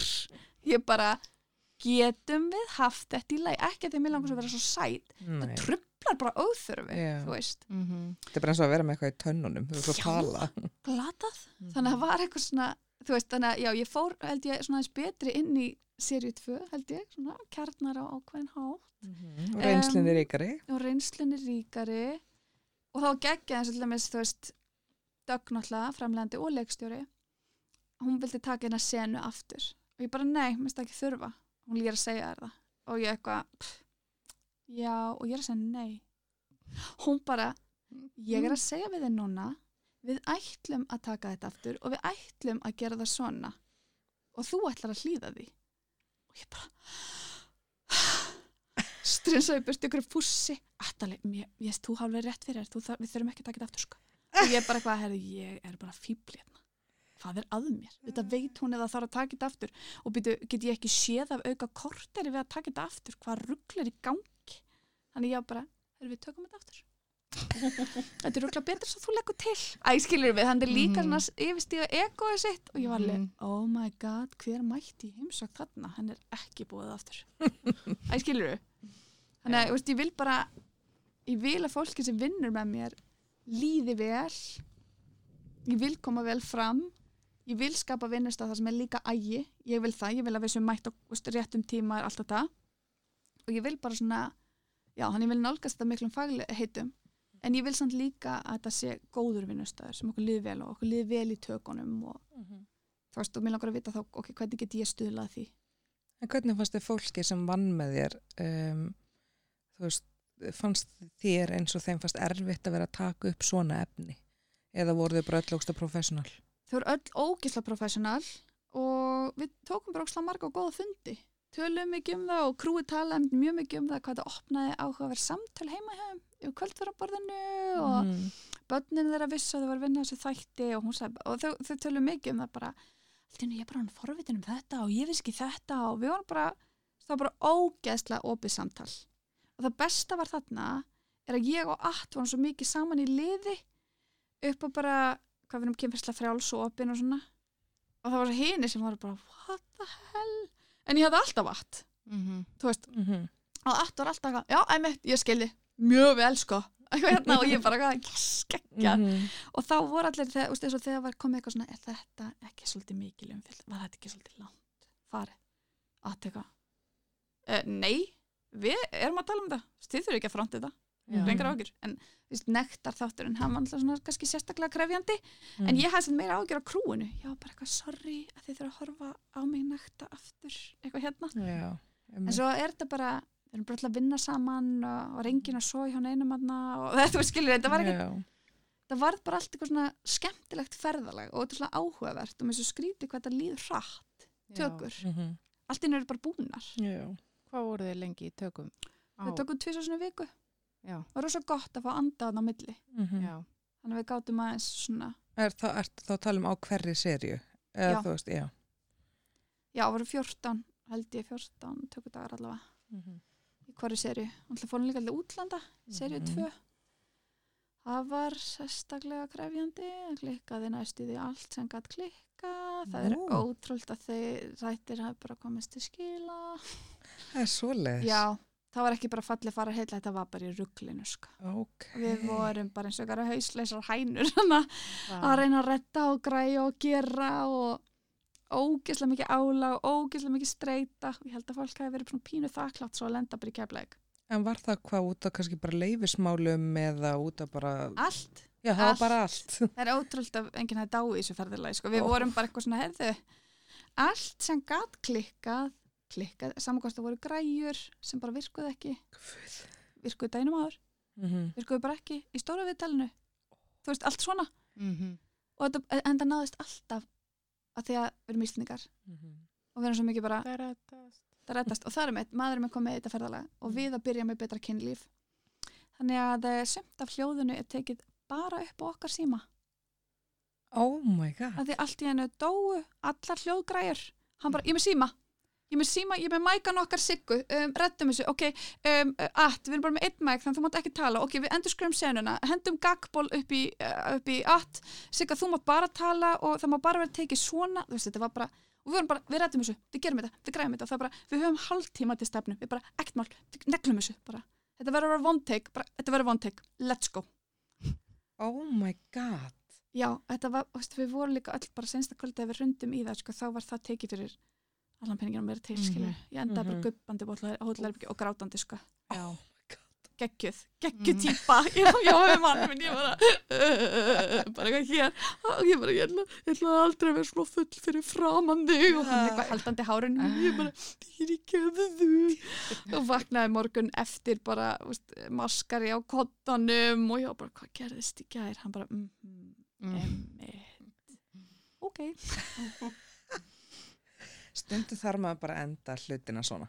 Það er bara svona. Já, mér þykir náttúrulega vænt um fólki sem ég vann með, sko. Þetta er alveg, veist, við byrðum öllum í brúköpu okkar og erum búin að fara í eitt brúköp síðan og hjá hérna úr krúinu og þannig ég, ég er alveg búin að eignast svona hjartans fólk, sko. Mhm. Sem ég mun alltaf peppa í öllum þeirra verkefnum og, og fylgist með og mér þótti það svolítið, sko, dýrmætt. En af hverju var ekki gerð serið að þrjú? Var það eitthvað svona, vildu ekki halda áfram eða var þetta bara komið gott? Eða? Um, þetta var eiginlega bara komið gott. Dögg er í öðrum verkefnum, Att er í öðrum verkefnum og já, það var bara ákveð bara nei, þetta er fínt, gerum Mm. eitthvað annað Mhm. Emitt. og, og það er alltaf leið sko. Veistu hvernig áhorfið var á þessum þáttum? Já, það var geggjað, Að ógæðslega góðar áhorstölur, ótrúlega flott aldurstreifing líka. Það er fólk, rosa mikið fólki svona um 60 og 70 sem búið að horfa á þættina. Það er geggjað. Já, ógæðslega skemmtilegt sko. Þannig jú, þau fengum Mhm. mjög mikið áhorf og seria 1 lifnaði við aftur út af seríu 2 Mhm. Já. og ég held nefnilega að þeir lifa alveg ákveðlega sko. þeir mun alveg lifa, þeir eru alveg nokkuð tímalausir Mhm. Já. þannig að ég, hérna, ég veit um skóla sem er að sína það og hérna já, mér finnst þetta alveg góður og skemmtileg þættir og bara gaman að fá að gera svona þátt líka bara sem er gaman og kjánaskapur og sprell og og þetta er öðrís og þetta er eitthvað sem þú hefur passion fyrir. Mm þannig að þú veist það verður svo náttúrulegt. Það er miklu leðilega ef þetta væri bara þú veist það væri bara fenginu mitt bara einhver leikona til þess að lesa upp eitthvað fræðsluefni eitthvað, það væri bara ekki alveg eins. Nei, nei, emmitt Já, já, við áttum það var alltaf fullt sem var ekki hægt að gera og þetta alltaf klippiborinu og eitthvað svona. Mm -hmm. en ég er bara eitthvað, þetta er geimt en ekki glimt Mhm. eða þú veist, mér finnst gaman að vinna í sjónvarpið þannig að við sjáum bara til já, algjörlega hvað gerist sko. En þú ert sen að fara að vera með uppistand bráðum, er það ekki? Jó, næstu Já, heyrðu, það er bara, tíminn líður svo rætt. Uh, það hvað heitir það? Sóðbrók. Svo. Já, Sóðaborg segir frá Já, Já. Sóðabók Brók brók segir, segir frá. Er það þú? Já, Spennandi. Já Ég þannig sé að- það alveg uppistandar nýðir, sko. en ég mætti einu svona uppistand með þér, Ok, hvaða? uh, sem var í þjóðleikurskjallan Já. 2016. Emmi, Það var ógeðislega skemmtilegt. takk fyrir Já, það var uppselt á þær síningar uh, og ég hef ekkert haldið annars svona eiginlega, almennilega En hvað var það sem maður fekk þig til þess að fara að gera uppistand? Mér finnst það ógislega skemmtilegt það er öðruvísi, allt öðru sem kynfráslan veist, það er ekki alveg allt öðruvísi en það er öðruvísi. Og hérna, ég er náttúrulega að færa mig meira yfir í fullónusfræðsluna það er uppstand mjög dýrmætt. Og þetta er í rauninni mín sín á kynfræðslu fyrir fullorna það er uppistand, þannig að ég ætla bara að segja að hér er nú draumurinn er bara Eldborg, Harpa mm -hmm. tróðfullur salur, Netflix special, það sem að má fara ógeðslega langt í að tala um kynlíf, hlæja eins að því og bara það er minn eini og aðalfókus. Ok, geggja. Já, og þú veist, í kynfræslinni, það er alltaf að passa mér náttúrulega. Þá er ég náttúrulega ekki að tala út frá sjálfur mér, ég er bara að tala út frá fræðum og þekkingu og almennt og svona. En í uppistandi eru aðra reglur og ég er ekki hrifin að gera grín að öðrum. Veist, mér finnst það ekki skemmtilegt. Mér langar ekki að gera lítið úr fólki. En ég hef svakalega gaman að gera grín að sjálfur mér. Og ég hef bara upplifað margt og mikið og alls konar og lendi alls konar aðstæðum og svona sem brókslega gaman að segja frá. Mhm. þú veist og ég hef verið fengin ellendist til að kenna kynfræðingum hvernig er með að nota húmor í kynfræðslu þannig að það hefur alltaf verið stór kjarn í minni starfi að nota húmor á fallegan og góðan hátt. Út af því ég veit hvað áhrif það hefur okkur lífæðislega hvað áhrif það hefur okkur samfélagslega og svona. Og hvað er mikilvægur sem bindi efni milli fólks. Þannig að ég, þetta er veist, það er hljóma bara svona, já, uppistandi eitthvað flip. Það er mjög það er mjög djúpar ástæður og þetta er bara enn eitt verkfærið til að fræða fólk um kynlíf og opna umræðina og það er svo ógeðslega gaman að fara ógeðslega langt og sjá bara af hverju sjokkar þetta hvað sjokkar þetta. Mhm. og, og bara og svona, að hlæja eitthvað svona hálf taugaveiklislega af einhverju sem var bara oh my god, ég trú hvernig að hafa sagt þetta. Þú veist, það er svo skemmt. Mhm. þú veist, þannig að mér langar ekkert að vera eitthvað tveir tómatar löpið yfir götu en ég geti kannski alveg talað um að setjast á tómat. Það er nákvæmlega bara eitthvað, það er fucking juicy tómatur hann glansar eitthvað svo.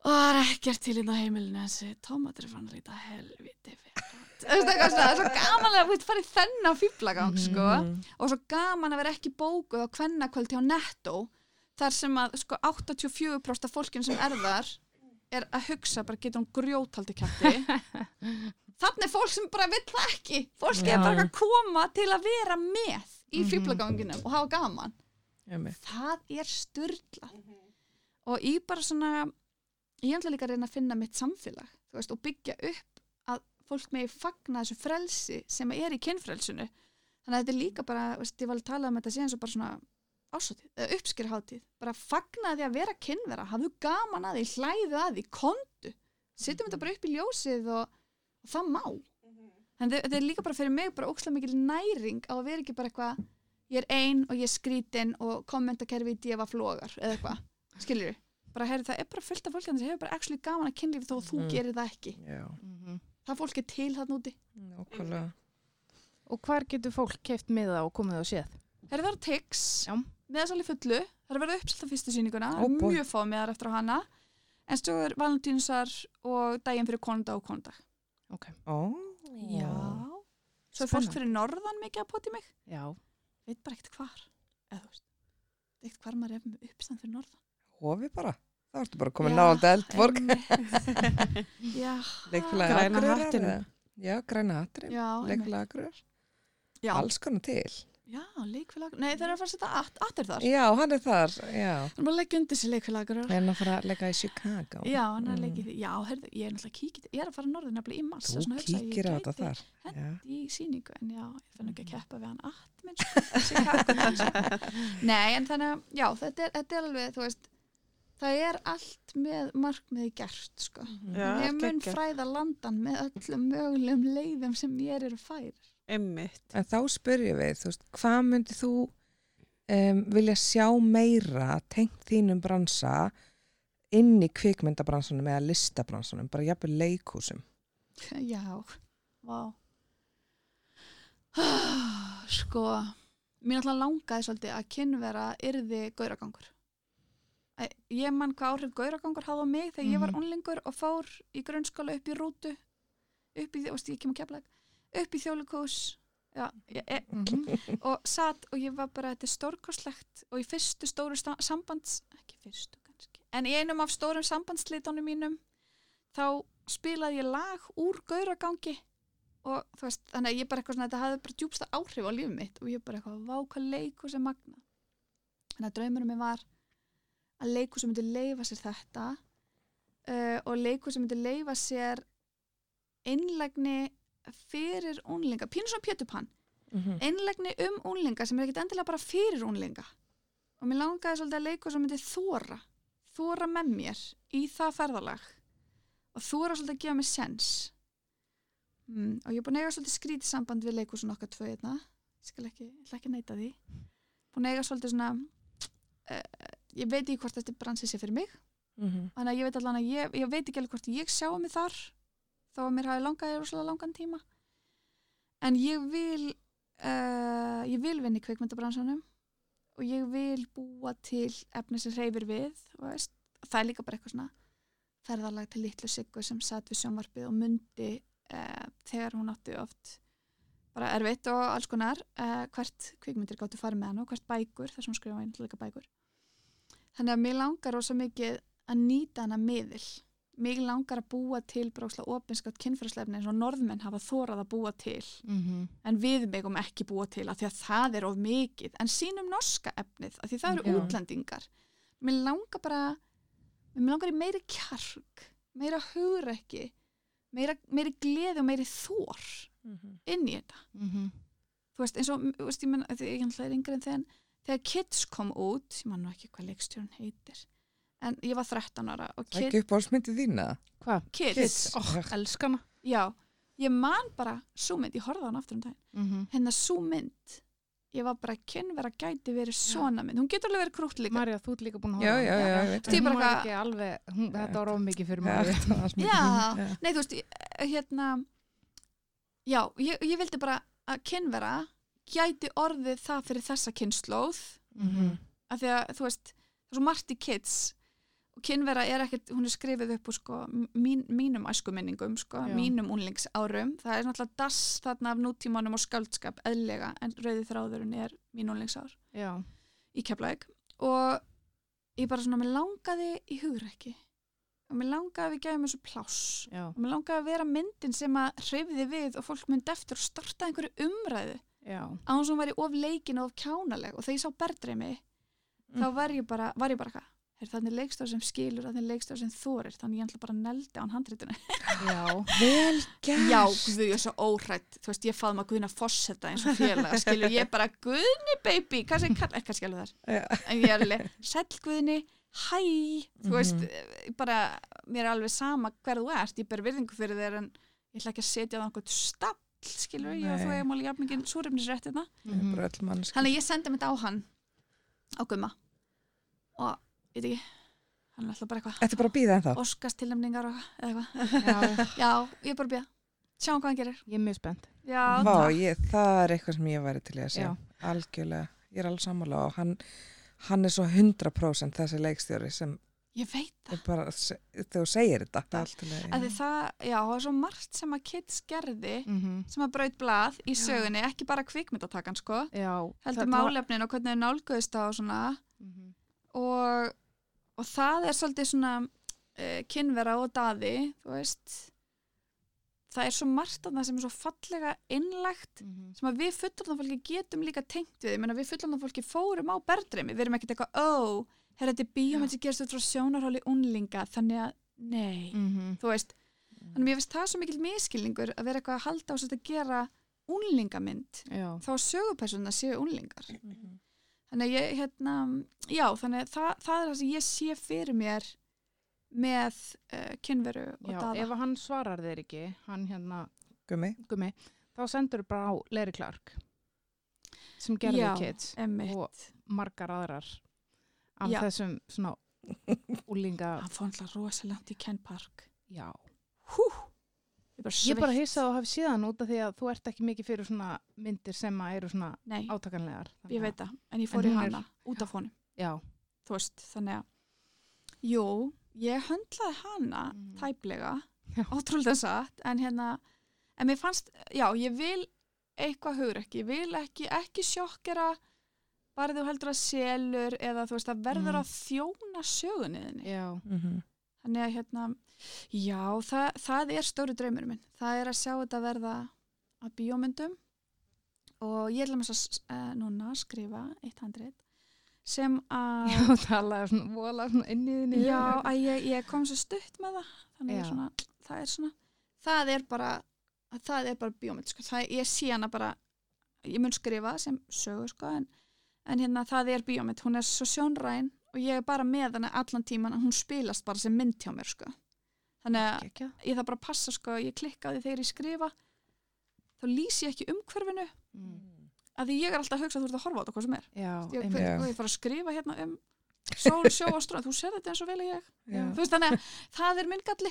Þegar ég Mhm. skrifa að ég er bara eitthvað, ég er bara að skrifa handrit hérna, halló, það þarf bara að standa efst hvar við erum, þetta er ekki flókið, þú veist, svo erum við bara í bíl, við erum að keira, þú veist, eitthvað, Mhm. þannig ég þarf að, hérna, e, það er svona gallin á mér sem reytöndi, hefur mér verið sagt, sko. En er ekki hægt að byrja þá bara á að skrifa það sem að þú vilt að komi fyrst og síðan bæta hinu inn í, inn á milli? Jú, ég bara er að læra þau vinnubröð. Já. Svona óþólumóð og svona... Bara sér tilbúið strax Já, pínu. ég myndi alveg segja að þú ættir alveg vel heima samt inn Mhm. í kvikmyndabransunum bara með hvort með skapandi hugsun þú veist, og Já, bara takk. þú veist, líka með fræðslu í huga Já, þú veist, þú að hefur sögur að segja og, og ert alveg með mynd sem að, Mhm. Já, takk. Já, og ég, það hefur alltaf bara verið draumurinn, bara frá því ég var mjög ung, sko. Bara mjög mikið hrifist af. En samt einhvern veginn aldrei dottið í huga fyrir kvikmyndanám, aldrei dottið í huga fyrir leiklistanám. Þetta bara, Mhm. það var bara ekkert inn í orðaforðanum mínum og ég vissi ekki eins og þú veist, samt bróðum með vinna við það að búa til sko, sjónvasefni og kvikmyndir sko, honum dattið í hug og þetta var alltaf í honum, mjög stert og hann er mjög góða sínaðna og svona Varst þú ekki bara ofið upptekinu við að fylgjast með fólki? Jú, öruglega, já og En það er það ekki, líka- þú þarft að hafa það Já, Mhm. til að vera góður Áhuga á fólki. og já, já, áhuga á fólki og að kunna fylgjast með. En ef þú væri dýr, hvaða dýr væri mm, ég væri öruglega kvalur Af hverju?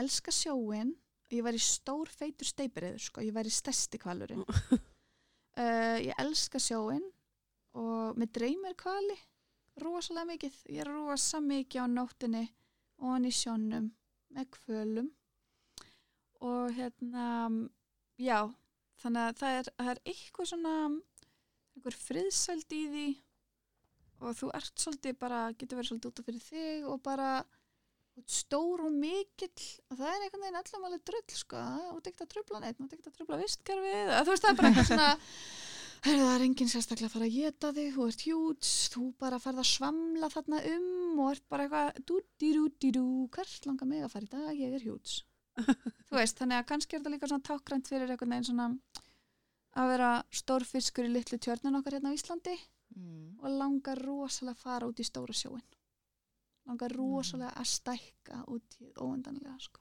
Mm þetta er svolítið það og já, og vera svolítið bara kvalurinn í kvalurinn í sjónum sko. þarf ekki, að vera, Áhugavert. ég þarf ekki að vera ljónið sem er dáðstáð sko. Nei, ég er rosalega til að vera kvalurinn í sjónu það er geggja svar. Mm, takk Ég held Það að geggjað. passi þér líka bara mjög vel. Já. Já, ég held að líka. fyrir. takk fyrir Algjörlega. En nú er bara líka að koma að lókum hjá okkur og þá er ég með eina skemmtilega spurningu í viðbót. Áttu eitthvað skemmtilega styrla staðrind um sjálfa þig sem fáir að enginn veit? Er það hægt? Er það ekki svo opinn? uh, það, ok, það er styrla staðarind uh, fólk heldur að ég sé mjög opinn Ó. og ég stýri því mjög vel Mm. hvað ég er opinn með en ég á rosa margt fyrir mig sem er bara mjög vel geimt og uh, mjög fáum hleyft að og tekur langan tíma eða þú veist, Mhm. það tekur mig tíma að hleypa þér þangað inn Þannig að hérna, ég er opinn með margt sem að margir eru lokaðir með en ég á mitt fyrir mig og held því mjög næri mér. Það er kannski stultla staðrindin, fólki Mhm. finnst, svona, finnst svona oft uh, og, ég, og ef þú r- rýnir í það þá er ég mjög oft að tala svolítið almennt Mhm. um Já. málefnin og er ekki alltaf að tala persónlega, breyla mjög svolítið. Mhm. Það er bara stóri miskilningun, ég er bara að tala um persónlega málefni. Já. Já, eitthvað sem Mhm. að hefur aldrei verið þórað að tala um líka. Já, eða bara, þykir óviðend að tala um eða eitthvað leist. Ég var kannski um, ég var kannski svona mest persónlegast í kringum skilnaðin en reyndi þá, þá hleyfti ég hvað mest að mér og hvað mest bara opinn og brotin og berskjöldu og eitthvað en samt var ég alltaf svona mikið, var mjög meðvitu samt um hvernig ég talaði og hvað ég mætti segja og, og eitthvað neginn svona að þess að særa neitin og eitthvað þannig að já, jú, ég held alveg mínum spilum svolítið nált mér. Jú, hei, ég sitt börni mín ekki á samfélagsmeila. Þetta veit ekki margir. Herri, ég tekið eftir þegar þú segir það. Ég Ég sko sé þú aldrei sagði. Nei. þú sagðir áðan eitthvað að tala um barnið, þannig að bara þegar þú komst inn, þá var ég alveg svona, ég var nú börn. Já, ég Já. á sýst þrjú börn og einu stjúpdóttur og hérna, nei, ég sett börni mín aldrei á samfélagsmeila, Bara ekki myndir, vídeo, ekkert. ekki neitt. Um, ég og fjölskylduminn erum með lokaða messenger-grúpu sem ég sett einstaka sinni myndir Mhm. af þeim en á, þá lokuðu, við erum fimm án eða eitthvað, nei, við erum tíu. Mhm. En hérna, mm, nei, þannig að það er eitthvað sem að margir veit ekki. Ég er, þarna er ég hyperpassisum Þetta er líka þá líka svona privacy fyrir börnin þín. allan daginn Mhm. og, hérna, og ég er rosalega ötul í því að spurja þau um hvort ég megi taka myndaðum og byrð svo um leifi hvert myndin, megi, hvert myndin fari og virða það við þau. Þú veist, ef, þau, ef ég bara magi taka mynd þau eru oft bara eitthvað, nei, ég eitthvað ekkert mál. Og svo er þau bara eitthvað, svo spyr ég, sem ég senda um afa, nei, ekkert mál. Og ef þau vilja eigða myndum, þá virði ég það líka. Uh, þannig að hérna, já, þetta er eitthvað sem að margir vita ekki og ég nefni ekki börnum mín á nafn og ég vil eitt banna nöfnið þeirra séu Mhm.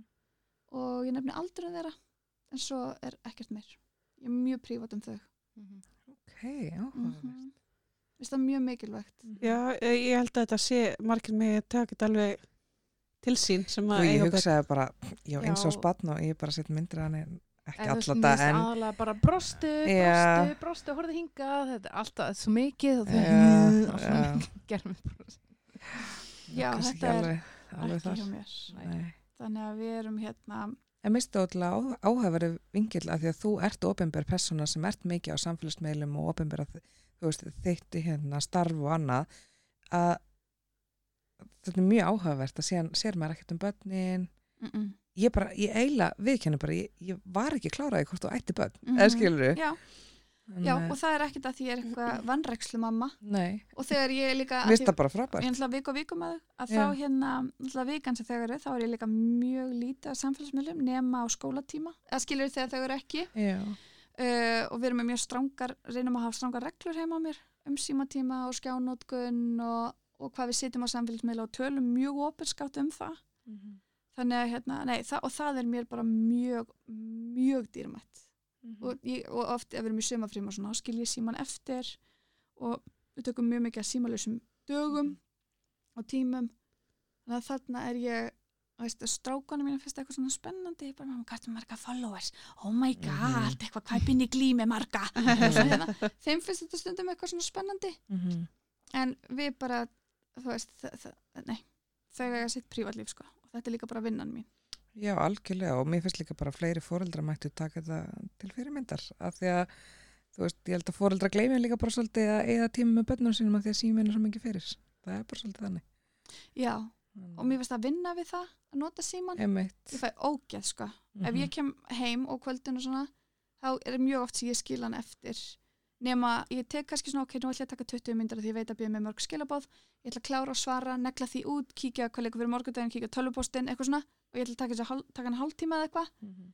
en svo er hann skilin eftir og veist, hann fyrir helst ekki með okkur upp í ég- þannig að ég er alveg með alls konar svona reglur að því þetta er svo mikið áreiti ég þarf rosa Ég vil að síma ég hvíld, sagt um mannum minna að skilja símana eftir Já, frammi og ekki taka hann með henni í sannarbyggi.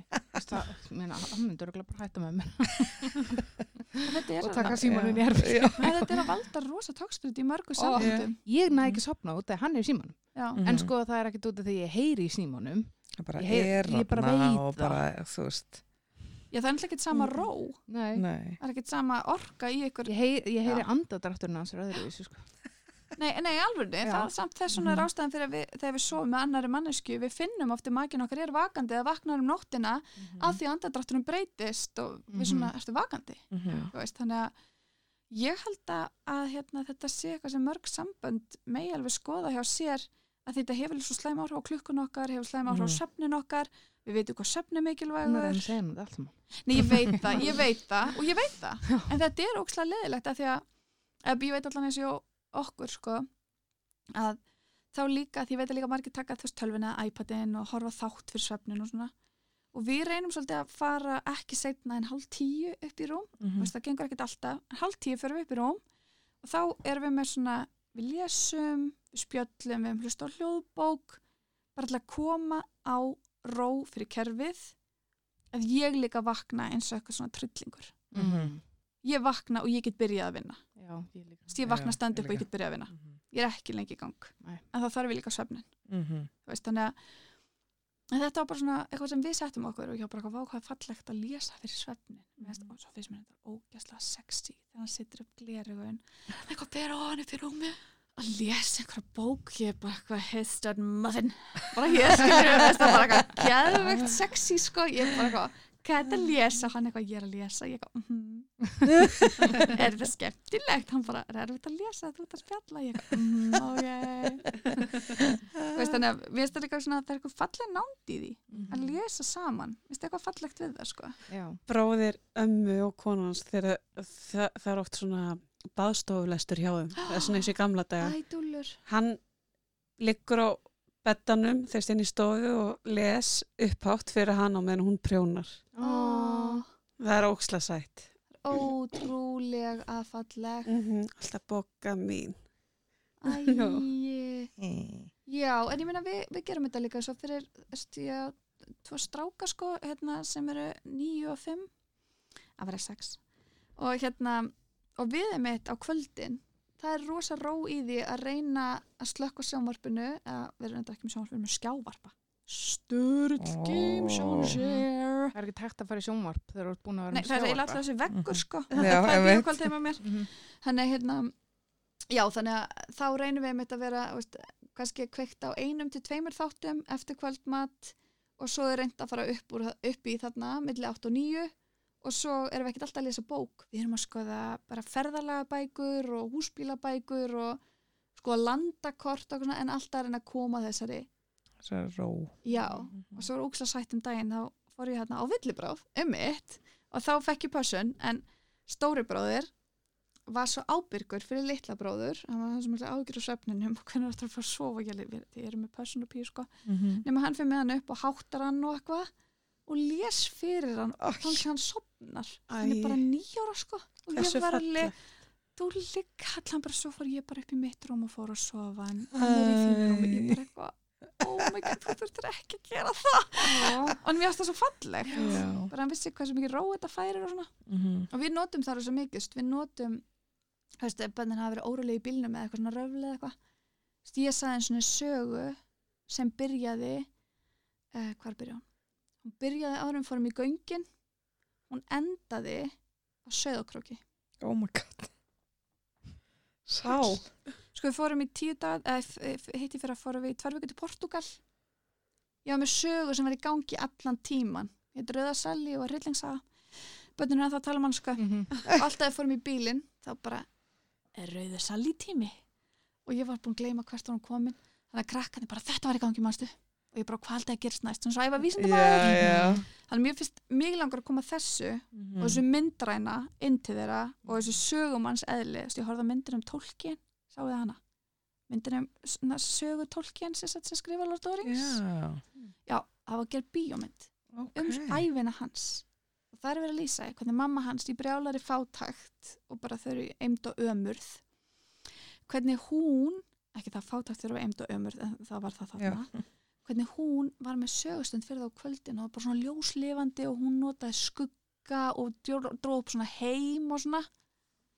Og úr því verið tólkin Mhm.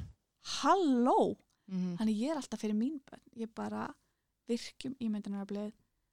Þú veist það er að dýrmætast og ég veist, við horfum mikið á bíómyndir og alls konar bíómyndir og ógeðslega dýrmætt Já. þú veist að saga þurfi ekki alltaf að vera heldur að vera bara lesin á blaði sko Nei, bara hljóðbækur, bíómyndir tala saman þegar við erum út í náttúrunni og bara hvað gæti verið að gerast hér hvað eða það væri varúlfur, hvar myndan ég heim í þessum skógi og kemist hann upp í trí og veist, þetta er bara svona, þetta er dýrmætasta í mínu uppeldi til þessara batna Mhm. er að gefa þeim að heimurinn sé ævintýri og ímyndunarbliði geti alltaf breytt öllu í Mhm. ævintýri þannig að ég er bara veist, þó, þó þau verði bara eitthvað svona fastegnasalar, það er alltaf læg sko Þetta Mhm. er samt svo dýrmætt. Þetta er bara líka eigur hérna, svona sköpunar sköpunargái barna og hérna, ímyndunarafl bara. Já, og ég er bara, ég er góð þarna Mhm. sem móður sko, ég er ekkert góð á mörguleiti kannski en sumu, en þarna er ég, að ég veit ég spesa mörguleiti eitthvað svona ekki og sparnar, ást ég með alls konar svona fyrir í öllu dósum sko. og svona þú veist, ég er með alls konar svona spes en þarna er ég bara eitthvað svona þetta þjónar allt tilgangi, þið sjáu þetta kannski þeirra færtu eða verið mjög betur út í mig þú veist, Það eh, kemur svo bara ljós. já, kemur ljós en þú veist, Já. þetta finnst mér bara út af því bara hvað bíómynnar og, sög, og sögurnar og bækurnar gáfi mér, að því ég var svo mikið ein í ein heimi einhvern veginn og speysað út að þá var ég bara eitthvað svona þetta er til aðna, Mhm. það er svo leiðilt ofta að búa í þessum gráa heimi við þessu fullarna fólki sem er svo fucking leiðilegt. Nei, þetta er með ekki nei, þetta er ekki heitt, það er ekki bara easy kvöldmatt bara hvað er átjar? Gættu bara fucking easy kvöldmatt, skilur mig. Hvað er að því þú borðar einu svona easy kvöldmatt live a little. Bara, Nákvæmlega. nei það verður að vera gretinir er fiskréttur bara, akkur hver bjóti þau lög? Langar bara á easy kvöldmatt.